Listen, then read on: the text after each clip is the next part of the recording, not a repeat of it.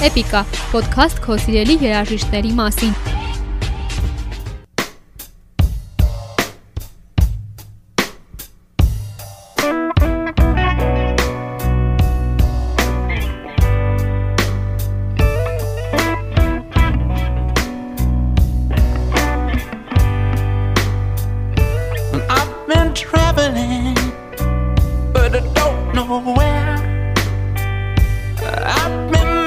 you. 1962 թվականին Լոնդոնում ձևավորվեց մի խումբ, որը դառնալու էր The Beatles-ի ամենամեծ հակառակորդը։ Սկզբում խմբի անդամներն էին Brian Jones-ը, Mick Jagger-ը, Keith Richards-ը, Bill Wyman-ը, Charlie Watts-ն ու Ian Stewart-ը։ Բենդի պատմության ողջ ընթացքում կազմում բազմաթիվ փոփոխություններ եղան, ու խումբը այժմ ընդունված է ներկայացնել 4 անդամով։ Գիտարահարն ու հիմնադիրներից մեկն է Keith Richards-ը, հարվածային գործիքների վարպետը Charlie Watts-ը, մյուս գիտարահարը Ronnie Wood-ին, իսկ մենակատարը Mick Jagger-ը։ Խումբը կնքվեց The Rolling Stones անունով ու դարձավ աշխարհի ամենահայտնի բենդերից մեկը։ Նրանց մասին շատ անգամ է խոսվել, նրանց քննադատել են, աստվածացրել, նրանցով ապրել ու շնչել են, սակայն կան բաներ, որոնք պահվում էին փակ դռների հետևում։ Հենց այդ ամենի մասին էլ կիմանաս Էպիկայի այս էպիզոդի ընթացքում։ Քեզ կպատմեմ նրանց մասին քիչ հայտնի, բայց ամենահետաքրքիր փաստերը։ I'm so sick and tired.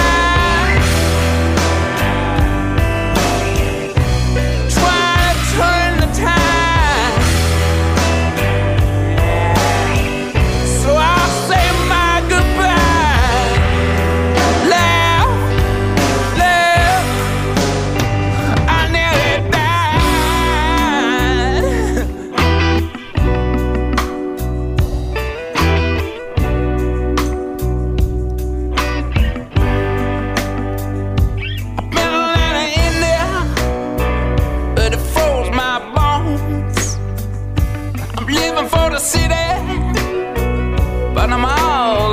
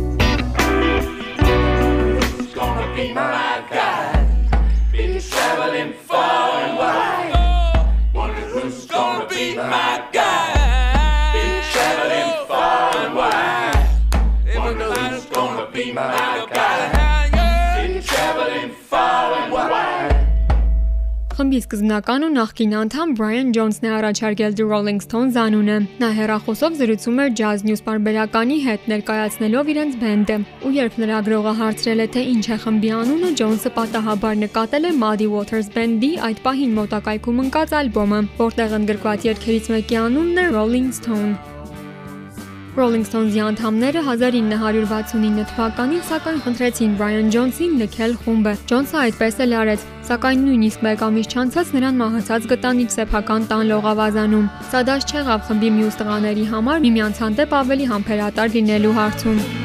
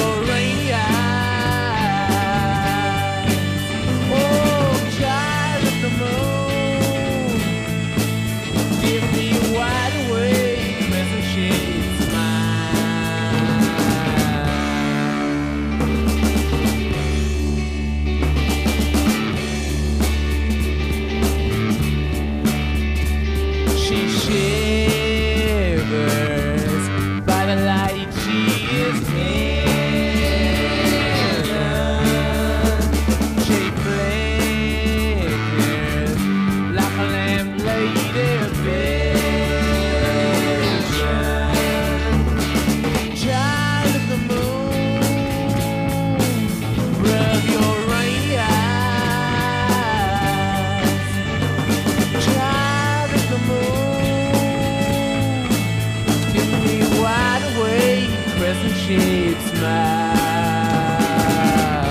1972 թվականին Rolling Stones-ը ԱՄՆ-ում էր համերգային շրջագայությամբ։ Նրանք հյուրանոցային մի ամբողջ հարկ էին վարձակալել, որտեղ խմում էին թմրադեղեր օգտագործում, մարմնավաճառներ ու գիշերային ակումբի պարուհիներ հրավիրում։ Թմրադեղերը գնում էին բժիշկ Բիլմականունով մի մարդուց, որը խմբի անդամների համար ապահովում էր մշտական մատակարարում։ Երեկույթներին ոչ մի տեսակի թմրանյութ արգելված չէր, ուստի թմրանյութի գետեր էին հոսում, որոնք վերջանում էին չափազանց արագ ռեկորդային ժամանակում։ Արդյունքում շատ հյուրանոցներ սկսում էին հրաժարվել խմբին ընդունել ու հաճախ տղաները ստիպված էին լինում մոտ 14 հյուրանոցի հետ կապվել, որպեսզի կարողանան գոնե դրանցից մեկում համար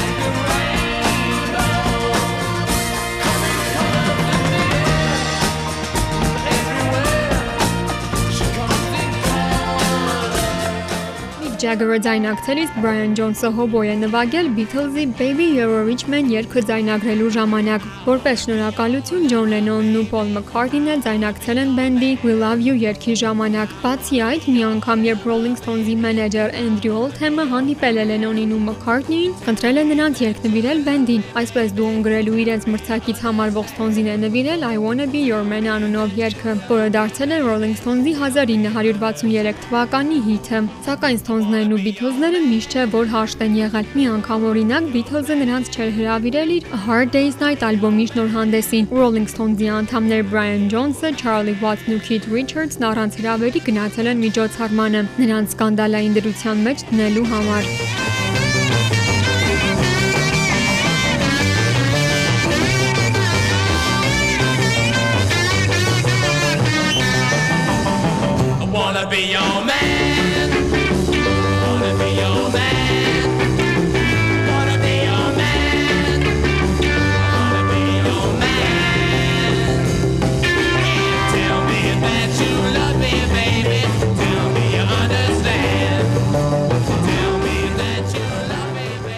անդամ Keith Richards-ի շուրջ երկար ժամանակ շշուկներ էին պատտվում այն մասին, որ իր հերոինի կախվածությունը բուժելու համար Արյան ամբողջական փոխպատվաստում է արել, սակայն 2010 թվականին CBS հեռուստաընկերության հետ զրույցում երաժիշտը հերքել է շշուկները ու ասել, որ հենց ինքն է ստեղծել ու տարածել այդ բամբասանքը։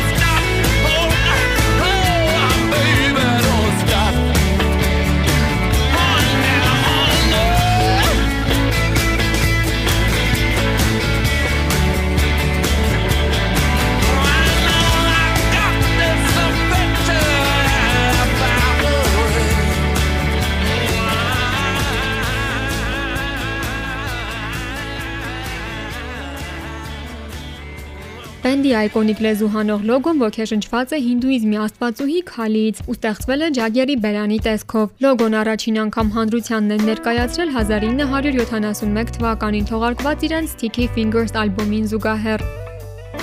Միք Ջեգերն ու Քիթ Ռիչարդսը ընկերներ էին դեռևս դպրոցական տարիքից, սակայն նրանց ընկերությունն ավարտվել է դեռ 70-ականներին, ու նրանք հազիվ են քաղաքակիրթ հարաբերություններ պահպանել։ Ռիչարդսը գլուխ էր գովում Ջագերի ընկերուհու Մարիան Ֆեյթֆուլի հետ անկողին մտնելու համար, ինչը հավանաբար երաժշտի վրեժն էր Միք Ջագերից, քանի որ նա տանել չէր կարողանում, երբ Ջագերը խմբի վերաբերյալ որոշումները միայնակ էր կայացնում։ Ռիչարդսը ընկերոջը լիրբ, ձերդ գերազանցություն ու այլ մականուններով էր կոչում ու ասում, որ տանել չէր կարողանում նրան։ Խմբի անդամ Չարլի Ուաթսը 1964 թվականին ամուսնացել է, սակայն խմբի Bad Boy իմիջը պահելու համար նրան համոզել էին գաղտնի պահել ամուսնությունը։. And I feel like an actor looking for a role. I've been in Arabia, seen a million stars, been sipping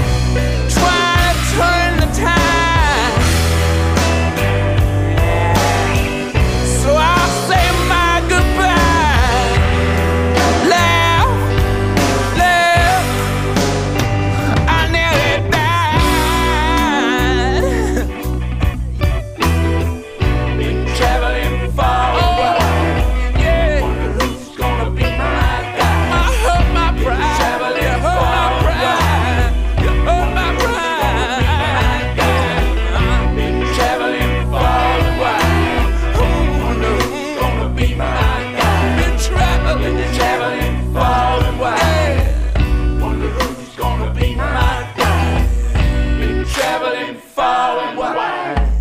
Wonder who's gonna be my guy. Been traveling far away. Wonder who's gonna be my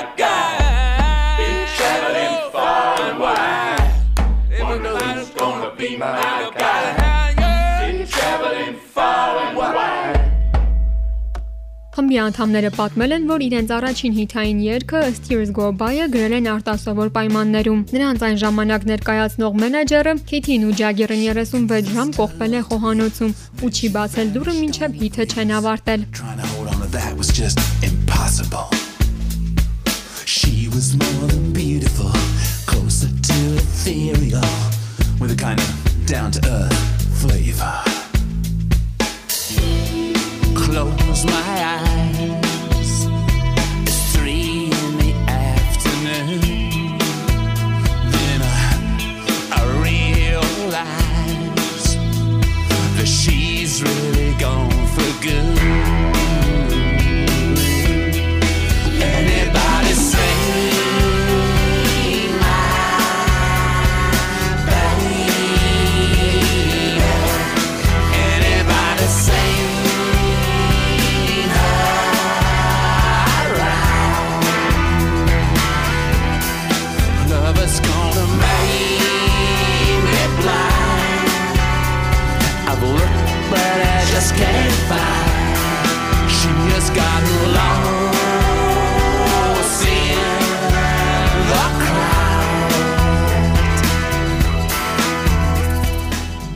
1967 թվականին Ջագերին ու Քիթին ձերբակալել են թմրանյութեր ունենալու համար ու պատրաստվում էին 1 տարով ազատազրկել, սակայն բազմաթիվ երկրպագուներ աղմուկ են բարձրացրել ու տղաներին շուտով ազատել են։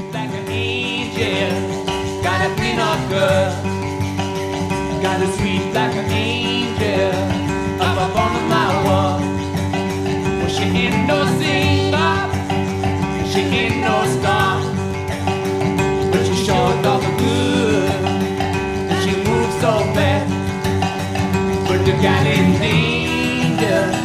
the gal in chains,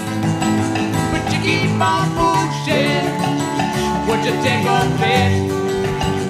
She counting up your minute, counting up your debt.